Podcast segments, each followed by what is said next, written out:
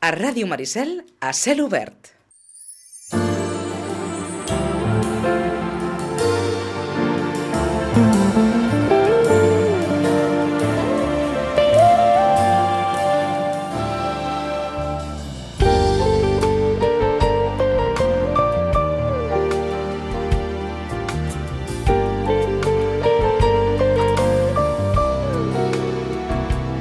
Hora de parlar una estoneta d'Europa, l'Hora d'Europa, com saben, l'espai mensual de Ràdio Maricel amb el suport de la representació de la Comissió Europea a Barcelona, la Diputació de Barcelona, l'Oficina del Parlament Europeu a Barcelona, l'Ajuntament de Sitges i la Secretaria d'Afers Exteriors de la Generalitat amb la col·laboració d'Eurolocal. Eh, Dos minuts passen de- d'un quart d'onze. Joaquim Villan, bon dia. Molt bon dia. Darrera hora d'Europa d'aquesta temporada. No sabem si quan recuperem aquesta hora d'Europa, passat l'estiu, eh, encara serem una miqueta menys europeistes. Doncs no ho sé, la veritat és que estic segur que el, el que puguem gaudir de bon temps, de platja, de sol, ens farà pensar en altres coses i no ens farà pensar justament en que la idea d'Europa vagi perdent eh, llocs en el rànquing, no? perquè ens entenguem. Si una bona amiga meva periodista, la Carme Colomina, sempre explicava en la bona època que malgrat tot i que Europa era en aquell moment estava considerada com un, un dels objectius o prioritats o projectes de, de, dels estats, dels governs eh, regionals, dels municipis i de la ciutadania. A vegades era difícil d'explicar a Europa a la ciutadania perquè era poc sexy. Ella deia això, és que és poc sexy explicar a Europa. Dic, ara ja no sé si estem que sigui poc sexy o realment eh, no interessa, no? no interessa i a més del que interessa justament té connotacions negatives i en aquest punt dir, estem eh? Els, que els ciutadans comencin a percebre que Europa tingui més greuges que beneficis. Correcte, aquesta és una mica la tendència que hi ha. També et diré, eh, i no és per defensar la idea de- d'Europa, de, que tu saps que sóc un europeista convençut, que no vol dir que pensi que Europa és tota fantàstica, que el projecte europeu és sempre positiu i que tot és eh, amb nota alta, no? Sempre sóc bastant també crític, no? Perquè crec que realment, amb el projecte europeu, crec que realment, eh, malgrat tot el que està passant, si volem sortir d'aquesta crisi mínimament en condicions, ho hem de fer de la mà, no? De, entre tots els països europeus, ciutadans europeus, governs regionals, administracions, i avui un tema que també eh, s'està posant damunt de la taula, que és el que també s'han d'implicar eh, altres, altres àmbits, com pot ser el socioeconòmic, és a dir, jo crec que en aquests moments estem parlant d'una Europa que també l'ha de fer la patronal i els sindicats, les universitats també han d'estar implicats, no només amb el Pla Bolònia que tantes eh, polèmiques ha aixecat, sinó realment creure que te- estem treballant per un espai europeu comú universitari d'ensenyament, no? El, per exemple. El problema pot estar moltes vegades en quan eh, la manera de sortir d'una situació com la que estem ara eh, no, és, eh, no beneficia a tothom de la mateixa manera. És evident, és evident que en aquests moments ens sigui, trobem estic amb... pensant en el que va passar ahir, la pujada de tipus Correcte, be- beneficia correcte. Alemanya, perjudica Espanya, Correcte, per cas. correcte, correcte. Però això jo crec que també ha sigut una manca de pedagogia de sempre, no? Sempre que s'han pres decisions europees eh, intentàvem que tots guanyéssim, però mm, eh, poder no tots guanyàvem amb la mateixa intensitat. Ara poder és més fàcil mediàticament, quan no guanyes amb la mateixa intensitat, dir que perds, no? I dir, mira, ell guanya 4-0 i tu només guanyes 1-0. Oh, clar, esclar, és que guanyar 1-0 comparativament amb guanyar 4-0 pues és quasi perdre, no? I és evident que avui en dia les decisions que s'estan prenent a nivell europeu per salvar el projecte, però també no ens, en, no, no, no ens enganyem, eh, és salvar una mica tot el sistema, no? el sistema, un sistema que ha trontollat i que la crisi eh, doncs ha castigat més la, la, la zona europea que poder altres zones que per altres motius i entre altres coses perquè han sigut més fàcils de prendre decisions han sortit o estan intentant sortir d'una manera, jo no diria més fàcil, però amb més agilitat que Europa. Europa és lenta, és massa lenta per un món que va massa ràpid, això ho he dit diverses vegades. Estem amb unes regles de joc que fan que una Europa de 27 estats, per prendre decisions importants, al final què passa? Mira, jo me'n recordo ara fa poc temps, al mes de maig, eh, vaig anar a donar unes conferències a l'escola Maria Usó i em va fer molta gràcia perquè a l'escola, a l'edat de 9 anys, eh, una, amb, una classe, amb dos classes que de 9 anys, quan els explicava els símbols, la història, la bandera, l'himne, l'euro, i m'he donat, vaig posar la foto del Barroso i dic, bueno, qui mana a Europa? Eh? Qui és el, el president de la Comissió Europea? Qui és el líder? Qui mana? I vaig pensar, no em diran el nom perquè no el saben, però automàticament van don, dos nois, bueno, eren dos nois, sí, dos nois van aixecar la mà i em van dir la Merkel. I vaig pensar, coi, aquests s'han donat compte que aquí, a Europa, qui mana? Deuen sentir-ho a casa, deu, eh, alguna cosa deu quedar, diu, mira, la Merkel, la Merkel, que, eh, depèn, pensa, mira, la Merkel mana, no? Clar, i és això una mica el que ens ha, ens ha faltat i ens falta en aquests moments. Un lideratge europeu que al final ha d'assumir la Merkel, millor, pitjor, i evidentment pues si porta l'escombra, pues va escombrant cap a casa. Anava a dir encara que vas posar la imatge d'en Durau Barroso i no la d'en Fan Rompuy. Bueno, la Fan Rompuy crec que hagués fet por, de més, no? Por, perquè clar, el problema de quan vas a buscar això, dius quina foto poso? La del Van Rompuy, la del Barroso, la d'aquí.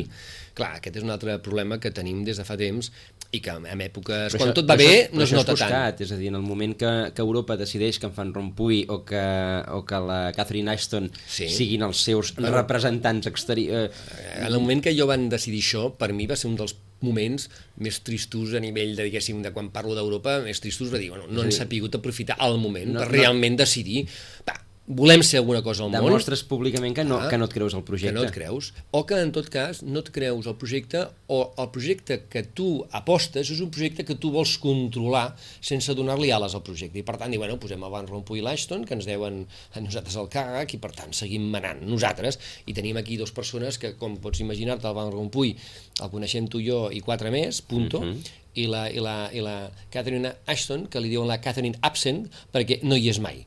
Eh? I quan hi ha les revoltes es presenta cap de dos mesos, hola, què tal, passava alguna cosa per aquí? Clar, i fa declaracions al cap d'una setmana. Home, justament la figura de l'Ashton era per evitar no tindre que esperar a Europa a reaccionar públicament eh, 7-10 dies, vull dir que pogués fer-ho en 24 hores com a mínim, no?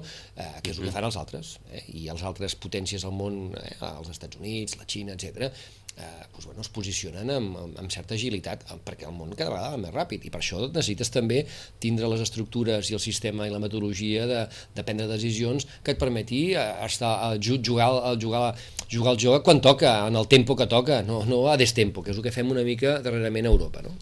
Doncs de, aquesta, aquell lligam d'Europa amb el món local és el que doncs, ens proposa avui eh, Joaquim Millan i la, la primera persona a la que saludarem és el senyor Xavier Tiana, eh, que va ser eh, cap de d'Oficina de Cooperació Europea de la Diputació, també Uh, va ser director del gabinet del síndic major de la Sindicatura de Comptes i actualment és cap de l'Oficina de Cooperació Europea de la Direcció de Relacions Internacionals de la Diputació de Barcelona. Senyor, senyor Tiana, bon dia.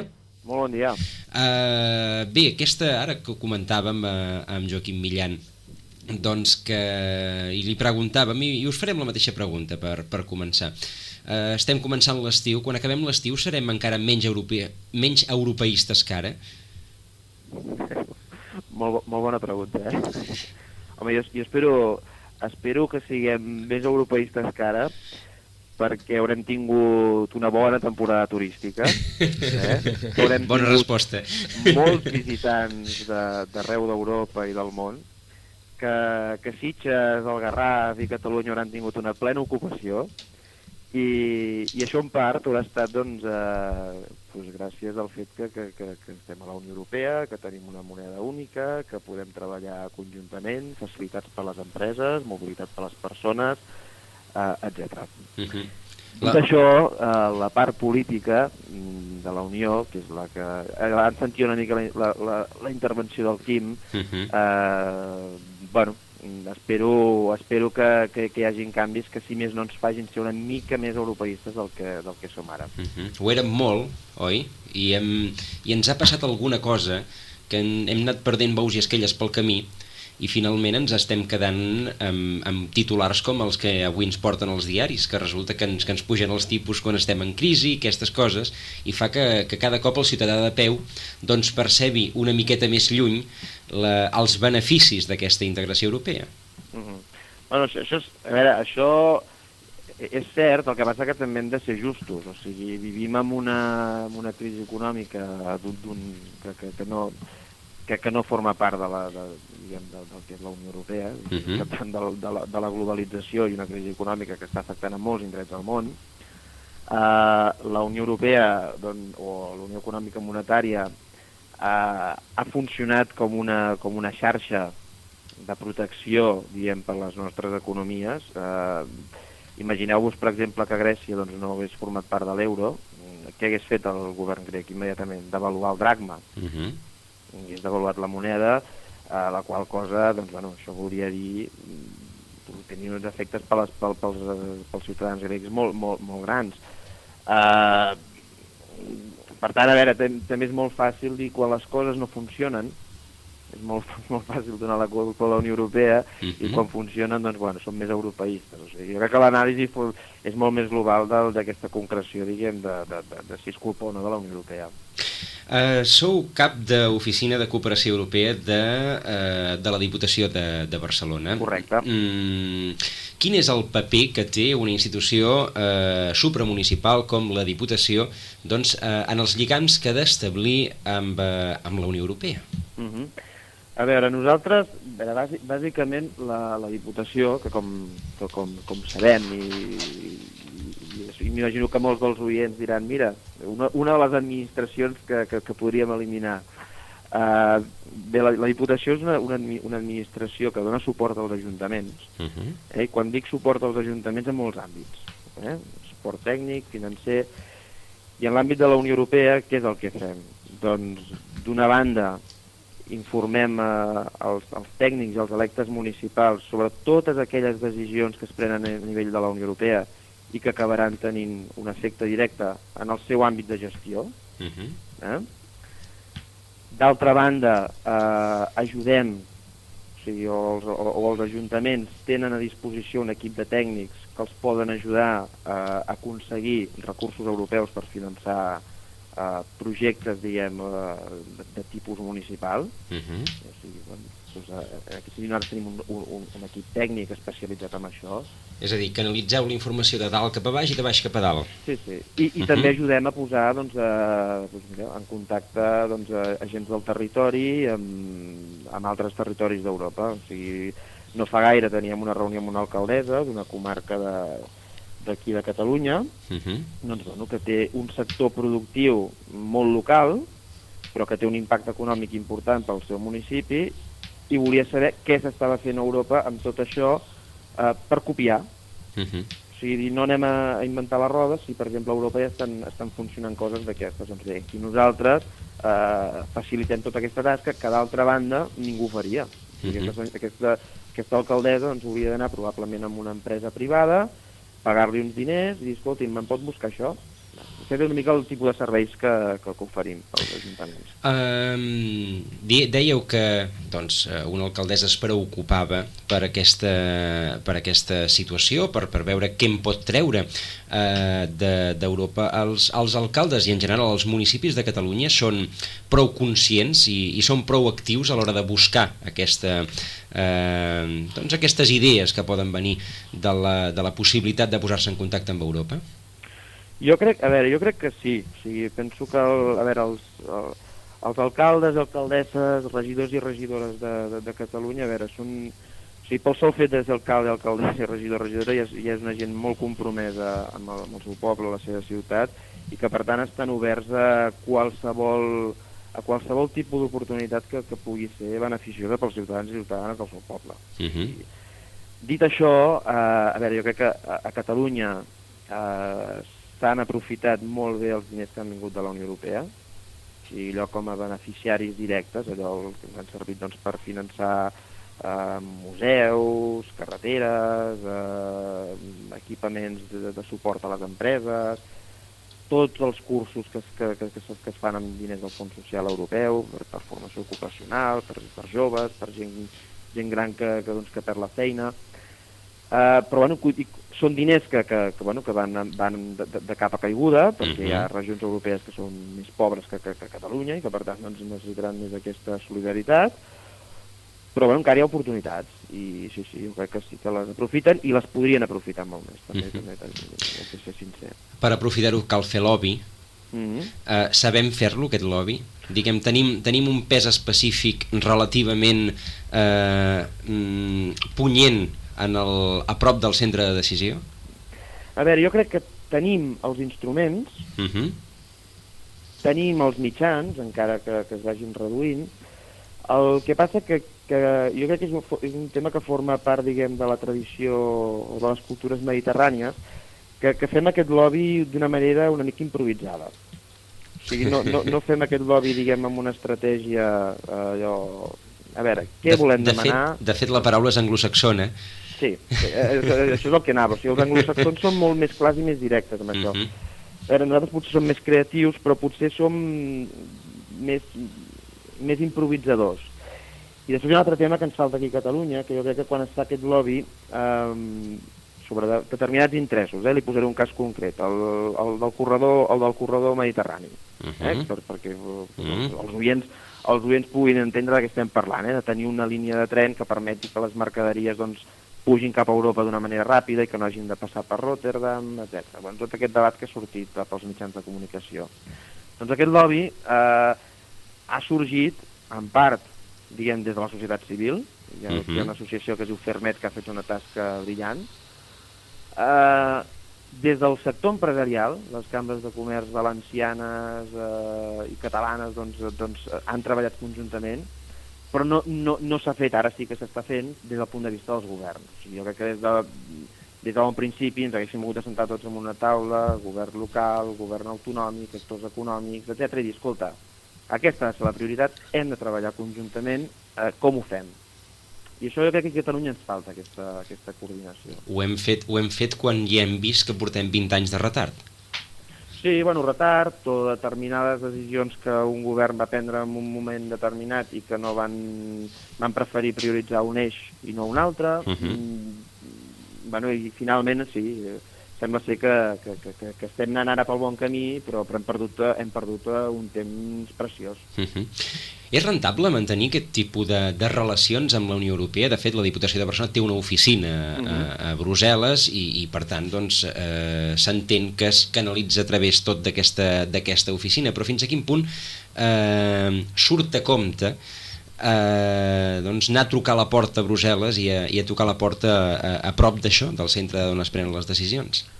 A veure, primer eh, comentar-li que la- l'oficina de, la, de la Diputació a Brussel·les és una oficina, una oficina petita, que, uh -huh. que tenim, tenim una delegada i una, i una, i una tècnica, o sigui, tenim dos, dos persones treballant-hi, sobretot tota aquesta tasca, diguem, d'acció exterior i de, i de lobby que, que es pugui fer, bàsicament es fa, una part molt important es fa des de Barcelona. D'acord. O sigui, Mhm. a Brussel·les ens és una antena, ens obre portes, ens oportunitats.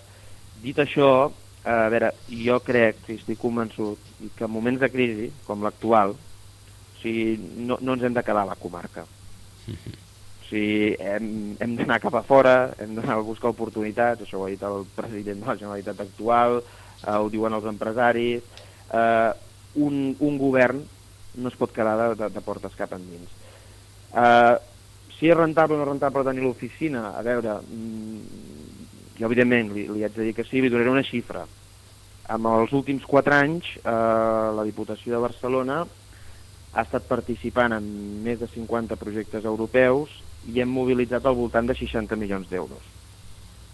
Bona part de la feina que es fa des de Barcelona, però també, evidentment, això no ho faríem sense, el, sense la feina que es fa des de Brussel·les. Perquè cal estar a prop del centre on es prenen les decisions.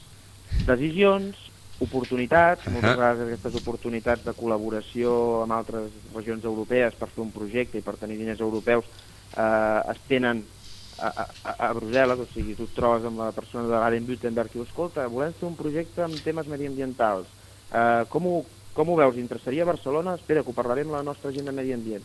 Això, o estàs allà, I a, aquí anàvem. Fins a, fins a quin punt aquestes relacions són formals i fins a quin punt aquestes relacions són informals? És a dir, fins a quin punt es fan molts passadissos? a veure, ha, a Brussel·les, a Brussel·les hi, ha, hi ha mecanismes formals, Uh -huh.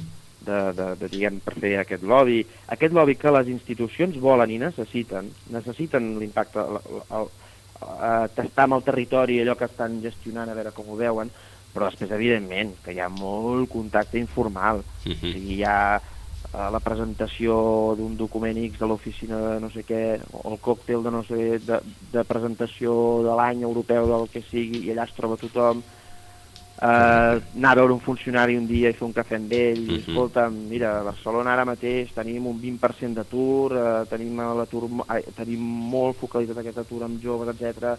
Què, què s'està gestant així a nivell de Brussel·les? O sigui, és aquest tipus de, de relacions que o ho fas des de la proximitat o, o perds moltes oportunitats. És allò de la dita catalana, la casa d'en Bernat, qui no hi és no hi és comptat.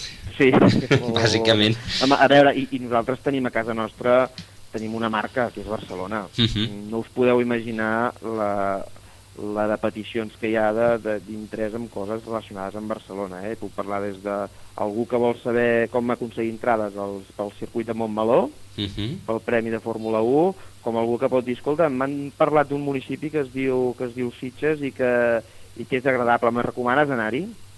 D'acord. Sí, és una oficina que inclús, a veure, funciona a vegades eh, com, com una petita agència turística. Eh? Quins beneficis, és a dir, com poden percebre els ciutadans Mm? el resultat final de la feina que feu? A veure, nosaltres treballem, mm, ja sé que so- sonarà tòpic, eh, pel, pel benestar dels nostres ciutadans. O sigui, el que tenim molt clar és que amb la petita estructura que tenim no podem arribar a tot. Ara, el que intentem és influir els decisors europeus sobre aquelles temàtiques que acaben tenint un efecte en el ciutadà. Per exemple, eh, tenim molt, moltes, moltes iniciatives eh, en l'àmbit de l'esport. Uh -huh. Eh, Catalunya és una, és una, una comunitat autònoma doncs, que hi ha molta activitat esportiva, tenim un, una geografia fantàstica per practicar l'esport, un clima fantàstic per practicar l'esport, però a nivell de Brussel·les no hi ha un reconeixement, diguem, legal, no hi ha uns recursos financers per, fer activi- per donar suport a l'activitat esportiva, eh, per, per fer serveis que, que millorin l'esport, no hi ha indicadors que mesurin la, que mesurin l'impacte econòmic de l'esport. Doncs bé, si aquí volem influir eh, a, a Brussel·les perquè hi hagi tota una sèrie de mesures, tota una sèrie de legislació en l'àmbit de l'esport, qui fa esport? El ciutadà. Uh -huh. En, a, a, en aquests moments eh, s'està començant a negociar tot el paquet financer, o sigui, el, els pressupostos de la Unió Europea a partir de l'any 2014. Eh? Uh -huh. Aquí hi haurà uns diners que aniran directament a, a territoris com Catalunya, altres diners que s'hauran d'aconseguir amb lliure concurrència. O sigui, nosaltres, catalans, ens hem de desbarallar amb els finlandesos, desbarallar amb el sentit de la paraula, amb els Mhm. hongaresos, amb els austríacs, amb els eslovens. Bueno, doncs per saber i per estar ben posicionats amb aquest, per, per poder aconseguir aquests diners que acabaran revertint la nostra ciutadania, hem de ser actius. D'acord. Jo volia... Exacte, senyor Tiano, saluda el uh, Joaquim Millan. Hola, què tal, Xavier, Hola, com Quim. estàs? Jo, jo volia també, més que res estava pensant en un tema que, que jo crec que és interessant per comentar-ho avui, que és que també, entre altres coses, la Diputació de Barcelona té un projecte o un programa, millor, eh, de, la, de la Comissió Europea, que és el Europe Direct, que Xavier m'agradaria que ho, també ho expliquessis una mica, que a més a més té una antena de suport aquí en el Consell, eh, Consell Comarcal del Garraf, que, que també és una mica eh, amb una mica seguint amb la, la línia que tu, Joan, preguntaves dels ciutadans, com ho perceben, bueno, doncs també una de les accions que s'està fent a través de l'àmbit local és apropar Europa als ciutadans, no? I, i aquest projecte o aquest programa que la Diputació de Barcelona, la província de Barcelona, eh, vehicula, que és el Europe Direct, jo crec que és molt important, eh, perquè, entre altres coses, moltes de les accions que a vegades aquí al Garraf es fan sobre Europa i tal, eh, bueno, es fan gràcies a que hi ha aquest programa i que hi ha la Diputació de Barcelona a darrere empenyent, no, Xavier? Mm -hmm. Sí, sí, no, no, com, com molt bé diu, diu, diu, diu i explica el Quim, a veure, nosaltres, i aquest és un exemple, és un exemple que, que, que poso arreu quan, quan vas a fer alguna xerrada o explicar què fem al territori, el Garraf jo penso que és una comarca exemplar eh, en, en, en, en l'àmbit europeu perquè té una vocació europeista molt gran, i ho, Mhm. ho haig de dir, no, no ho dic perquè ara estigui parlant amb, amb, amb Ràdio Maricel, si parlés amb una, altra, una ràdio al Berguedà diria el mateix, si em demanessin posar un exemple, sobretot per aquesta tasca d'apropar Europa a la ciutadania, hi ha tota una sèrie d'instruments com aquest que comentava el Quim, que és el punt, el punt aquest d'informació Europa Directa, que és un punt d'informació físic perquè n'hi ha un aquí a Barcelona, que qualsevol ciutadà s'hi pot acostar, venir a buscar informació, fer consultes, el que sigui, com virtual. Sigui, nosaltres rebem al voltant de 1.500, 2.000 consultes l'any de ciutadans, empresaris, fundacions, universitats que pregunten coses sobre la Unió Europea Uh -huh. i els hi donem la, la resposta que, que necessiten. Si tenim algun dubte fem la consulta amb la mateixa Comissió Europea o amb el Parlament Europeu o qui sigui i és un molt bon instrument per apropar Europa a, als ciutadans i ciutadanes. Hi ha diferents activitats que, que es fan i que s'han fet i que això suposo que, que no haureu parlat en algun altre programa. Uh -huh. Ara, per què és important també aquest punt d'informació? Bé, per nosaltres en aquest punt d'informació tenim, bueno, hi ha tota una sèrie de... Tothom és prioritari, però per nosaltres és molt important el col·lectiu dels joves, digui que és aquest col·lectiu que, que, que està més, més diguem, desenganxat del projecte europeista, però també és molt important i nosaltres eh, actualment i en el futur volem utilitzar aquest punt com a termòmetre per saber quines impressions té la ciutadania de la Unió Europea, o sigui, què percep, què percep un, un ciutadà de Sitges o de, o de Sant Pere de Ribes sobre la Unió Europea i volem fer arribar aquest missatge a la Unió Europea. O D'acord. sigui, no, no, no de, de dalt cap a baix, sinó que al revés. Volem fer arribar aquest missatge i de manera molt planera a la Unió Europea, dient, escolti'm, a la província de Barcelona la sensació que hi ha és aquesta. Uh -huh. I per això estem, bueno, estem treballant tota una sèrie de productes per, per, per, per, per, per, per, per, per, fer arribar, per fer arribar aquest missatge. I l'últim punt seria que ens fessin cas, és clar. Bueno, jo crec que, a veure, que ens, que ens facin cas... Eh, això depèn de, de, depèn de moltes variables. Ara, el, Correcte. que, el que sí que crec és que moltes vegades eh, aquesta llunyan, llunyania de Brussel·les Uh -huh. eh, és, és, és, és més real del que ens pensem. I, I jo crec que és important que la gent que pren decisions a Brussel·les, i no només els, els funcionaris de la comissió, eh, sinó els, els nostres representants polítics, aquí parlo els, eh, a nivell de govern, govern central, Uh -huh. eh, que, que són part de les decisions que es prenen a Brussel·les, els nostres eurodiputats, que siguin més conscients del que pensa el territori sobre el que, el que està fent Europa o el que hauria de fer Europa. Uh -huh. És a dir, que exerceixin eh, efectivament el seu paper de representants, Sí, sí. com a tal.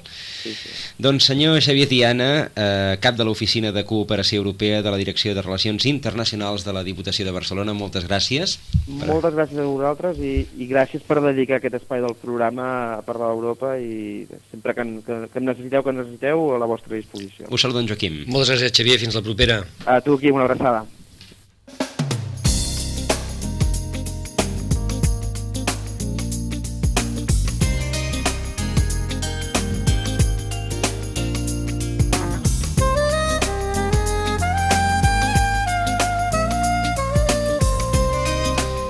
Doncs hem pogut parlar amb el responsable de les relacions amb Europa de la Diputació de Barcelona, la persona que vehicula doncs, eh, la informació que puja i que baixa eh, des de Brussel·les cap a, eh, als, als municipis de la, de la província de, de Barcelona. Ara passarem un cas pràctic. Ara la proposta és dir, anem a passar a un ajuntament concret, Ahà. com ho fa això, de quina manera treballa els temes europeus, per què els treballa, quina intensitat i interès hi ha i bueno, quines són les seves prioritats i objectius quan parlem de- d'això que deies tu, Joan, i preguntaves al Xavier Tiana, aquestes relacions europees, per què serveixen, les hem de fer, mm, surt a compte, etc. No? Jo crec que també és bo ara pues, entrar en un cas pràctic d'un ajuntament concret, com el de Terrassa. Doncs És el de Terrassa. Eh, saludem el senyor Joan Chicón, que és cap de serveis de Relacions Internacionals i Europees de l'Ajuntament de, de Terrassa. Senyor Chicón, bon dia. Hola, molt bon dia. Eh, acabem de parlar amb el senyor Xavier Tiana, responsable de l'Oficina de Cooperació Europea de la, de la Diputació. Ens deia que la seva tasca era posar en contacte eh, municipis, ajuntaments amb, amb Europa. Doncs eh, ara, diguem, ens posem una miqueta més a prop nostre eh, i, i parlem amb un, amb un municipi. Per què Terrassa té una, bé, un servei de relacions internacionals europees?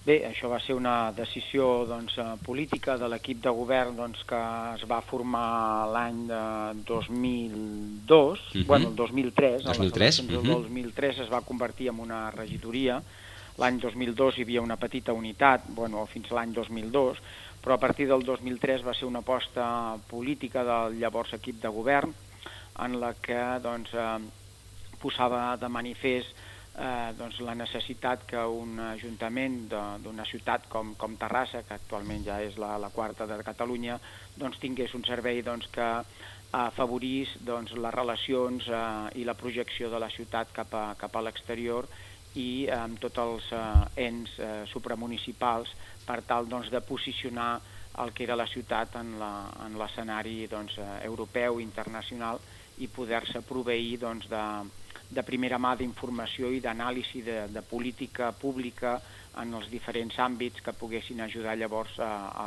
a les àrees internes de l'Ajuntament doncs, a tenir aquesta informació i perfilar una mica més i reorientar totes les seves accions encaminades doncs, amb aquest enfortiment de, de tot el que es legisla o des d'Europa de, des i que afecta, evidentment, doncs, a, al món local.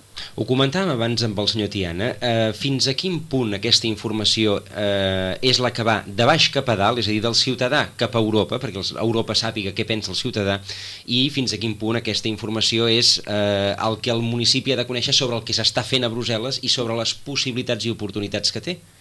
Home, nosaltres actuem amb aquesta doble direcció uh -huh. eh, de dues, de dues eh, formes ba bastant eh, determinades. Eh, de lo que ve de dalt cap a baix, eh, el que és el, el servei aquest, aquesta regidoria, doncs eh, fem un seguiment de les polítiques públiques que emanen doncs, tant del Parlament com de la Comissió i que en contrast amb tots els agents en els que nosaltres interlocutem fora del territori de Catalunya, tant a nivell de, de l'Estat com a nivell doncs, de, de Brussel·les i, i d'altres institucions i també doncs, dels agents interns de lo que seria el territori de Catalunya, proveïm tota aquesta informació de cara a dins mitjançant doncs, eh, reunions puntuals amb els diferents eh, serveis eh, i àrees temàtiques a les quals veiem que pot afectar també doncs, eh, els informem de qualsevol eh, iniciativa que pot ser d'interès pel desenvolupament d'aquest departament o d'aquesta àrea. Els hi donem suport també en, eh, o idees per poder presentar projectes eh, que poden ser d'àmbit europeu o fins i tot d'àmbit eh, amb diners europeus però que es gestionen directament per la, per la Generalitat amb tot tema de fons FEDERS o, o fons, de, de fons social, etc etc. i tot això doncs, fa eh, aquest flux d'informació de dalt cap a, cap a el que seria l'Ajuntament i amb els quals i amb els interlocutors amb els que nosaltres també dintre del, del territori doncs, eh, actuem, com el Consell Català del Moviment Europeu i altres doncs, interlocutors, la Diputació, la Generalitat, etc etc. Una... I a l'inrevés, dels de la ciutadania cap amunt, ho fem a través de la nostra participació en xarxes. D'acord. Llavors, uh -huh eh, en, el, en el que és el municipi i la ciutat doncs, eh, hi ha tres o quatre xarxes anomenades institucionals o diguem-ne de ciutat en la que participem en els diferents àmbits temàtics que, que, que formem part i llavors es recull eh, totes aquestes eh, inquietuds de la ciutadania eh, que s'avessen sobre els diferents departaments i nosaltres doncs, mitjançant la elaboració de tots els eh, informes i de tots els qüestionaris que ens envien intentem a través de les xarxes doncs, influir o posar de relleu aquestes opinions a les institucions a les quals la xarxa envia aquestes, totes aquestes eh, informacions, diguis la Comissió, el Parlament o el Consell d'Europa o a través de qualsevol altre instrument. L'Ajuntament és l'administració més propera al ciutadà i eh, en l'escala que tenim d'administracions probablement la Unió Europea és l'administració més llunyana uh -huh. en aquest ciutadà. Fins a quin punt eh, la, el ciutadà pot tenir la percepció d'aquesta llunyania de la, de, de la Unió Europea en l'hora de, de, de prendre decisions que el puguin afectar? Home, en aquest sentit eh, hi ha un problema principal que sempre és, és retòric, perquè sempre a través dels anys, almenys des que portem actuant de, dels de l'any que, que hi he esmentat, doncs és el tema aquest de la comunicació. No? Llavors sempre uh -huh. estem amb el mateix de la comunicació, que si la comunicació, que si no arriba prou, que és un, és un tema doncs, eh, que queda lluny, és un tema doncs, que... I tot mm, forma part també una mica de la mateixa estructura de, del que és la Unió Europea. No? Llavors, clar, vull dir, el no ser una Unió Europea en la que hi ha un sol govern i que doncs, el, el, els ciutadans s'identifiquen aquell govern com el primer ministre en el qual doncs, eh, pren la referència directa o que les lleis es fan directament en un Parlament en el que hi ha tots, clar, això provoca potser aquesta llunyania per, la, per les circumstàncies en com està estructurat tot plegat. És tot massa Llavors, dispers. També és cert que a l'haver-hi 27 països, cadascun d'ells estructurat d'una manera interna diferent, com és el cas d'Espanya, amb tantes eh, superposició d'administracions, doncs clar, vull dir, costa una mica més aquesta percepció. eh, es pot combatre, doncs, eh, clar, és un treball doncs, a llarg termini, amb, amb, amb una certa doncs, dificultat eh, afegida, però que bé doncs, que amb polítiques de sensibilització que també s'actuen a nivell local, això pot eh, reduir l'efecte d'aquesta llunyania i el fet doncs, de que es percebi per part de la ciutadania doncs, que això està més a prop del que es pensa. No? Llavors, clar, aquests treballs de sensibilització doncs, passen doncs, des d'organitzar doncs, eh, sessions informatives, conferències, debats eh, amb els diferents sectors, cursos eh, que informin sobre la mateixa Unió Europea, del seu funcionament, de les seves polítiques, amb exemples pràctics de què pot afectar, com, com pot afectar, eh, el fet doncs, dels mitjans de comunicació que també doncs, puguin ajudar a que hi hagi doncs, eh, tots aquests aspectes que els expliquin d'una manera doncs, més planera. Clar, això doncs, eh, és un treball eh, feixuc i, i que, de resultats a, a llarg termini.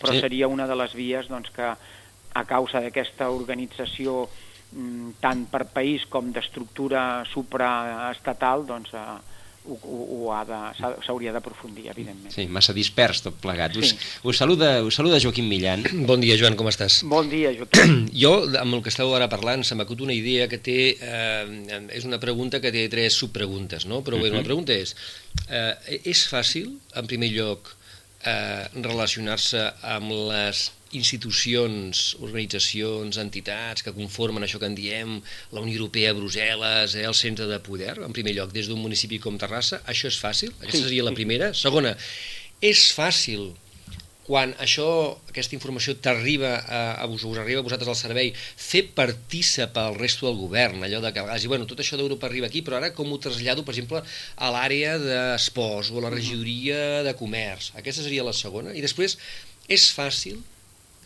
que la, com, fer participar la ciutadania en aquests projectes, tu parlaves ara de participar en xarxes, en projectes, impulseu, etc.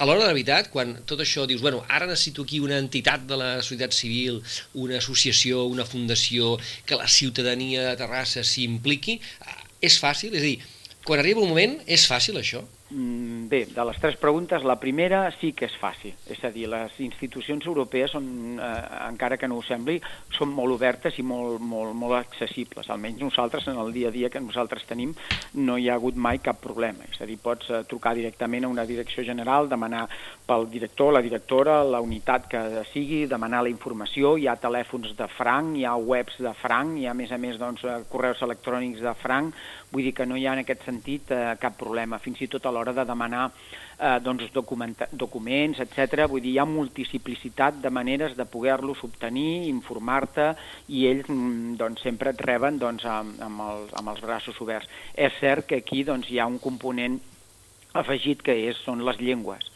evidentment, doncs, eh, de tota manera, vull dir, com a institució nosaltres, en aquest sentit, doncs, no hi ha problema de llengües, la ciutadania que, no té, que es pot adreçar a les institucions a la seva llengua, doncs tampoc eh, ha de tenir cap problema quan ha de necessitar alguna informació específica sobre un punt que li pugui afectar la seva vida. Amb això no, no, no hi ha de cap problema tampoc. Fins, a, ara fins i tot també ens podem adreçar en català a la comissió i al Parlament, vull dir que no, en aquest sentit és fàcil. La segona part eh, de com traspassar aquesta informació internament a les diferents àrees municipals Aquí hi ha un component una mica que no és informació... Quan es tracta d'informació sobre preguntes puntuals o sobre un aspecte concret o de demanda d'una informació, és senzill també, vull dir, no, no hi ha cap problema. Eh, quan es tracta doncs, de que en l'àrea o el departament corresponent doncs, es vulgui involucrar en la participació en algun projecte o en algun intercanvi amb d'altres ciutats o amb alguna altra institució o que formi part doncs, dels treballs eh, d'alguna xarxa en concret en un tema específic que es vulgui desenvolupar, aquí hi ha un, un, un, una petita dificultat afegida, que és que, clar, vull dir, s'ha d'adequar el treball que ja es té a allò que, que s'ha de fer com a més a més perquè si no representa que és un, un treball addicional i un esforç addicional. Llavors, clar, s'ha de tenir també els recursos eh, econòmics que pugui quedar contemplat en els pressupostos, que clar, que són coses fixes, diners fixos que es posen cada any i que, clar, qualsevol cosa addicional en la que es vulgui fer comporta un extra esforç per veure d'on trauràs aquells diners i llavors doncs, eh, hi ha un hàndicap, és eh, doncs, en aquest cas tota la circulació de tots aquests intercanvis són les llengües, els idiomes, llavors clar, vull dir, ha d'haver-hi en els departaments corresponents gent doncs, que estigui abassada doncs, com a mínim en anglès per portar tot el tema i poder-lo desenvolupar. No? I aquí, a, tant a Catalunya com a la resta d'Espanya, el tema de les llengües continua sent una, una barrera. I el tercer, eh, de cara a la implicar doncs, a, a entitats d'àmbit social o àmbit econòmic sí que és fàcil. Aquest també és fàcil, perquè nosaltres ens hem vist doncs, a vegades participant en algun projecte europeu o en algun intercanvi de bones pràctiques en el qual hem hagut de demanar la implicació doncs, socials o agents econòmics perquè expliquin la seva experiència o vehiculin allò que nosaltres s'ha treballat a través d'ells i que els hi pugui arribar als seus associats, etc, com Cambra de Comerç o la patronal o, o algun sindicat o alguna associació o entitat i la veritat és que hi ha molta, molta disposició sempre doncs, per, per oferir-se i per inclús poder participar i de fet hem fet treballs conjunts i, i, i no hi ha problema en aquest sentit. Doncs senyor Joan Xicón, cap del Servei de Relacions Internacionals i Europees de l'Ajuntament de Terrassa, moltes gràcies per haver atès aquesta trucada de Ràdio Maricel. Molt bé, doncs moltes gràcies a vosaltres per haver trucat, tant de bo eh, fos a Sitges però bueno, avui encara és laborable, espero aviam el cap de setmana si fa bo i ens hi podem acostar contra el sol. Perfecte. Molt bé, Joan. Gràcies, bon dia. Vinga, gràcies a vosaltres. Adéu, adéu. adéu.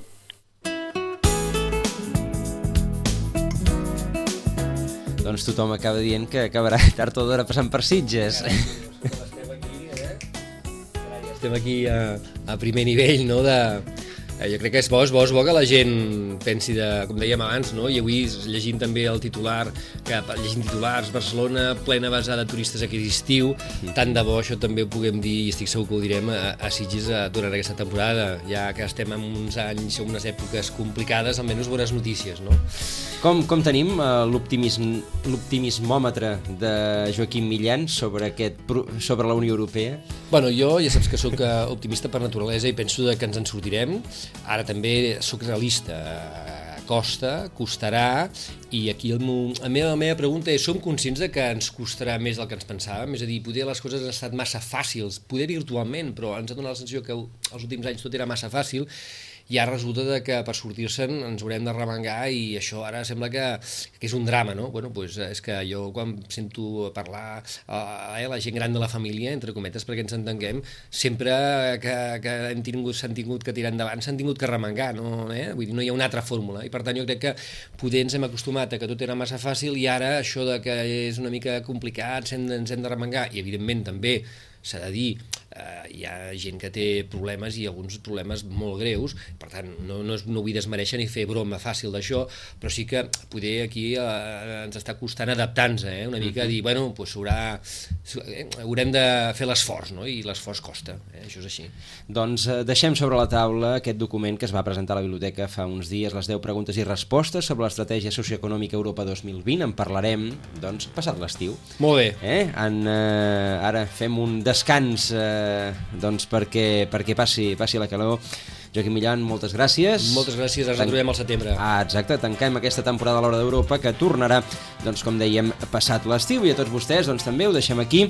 Uh, 5 minutets, notícies amb Com Ràdio, després titulars del diari de Vilanova i el cinema amb Cisco Borderia. Fins ara.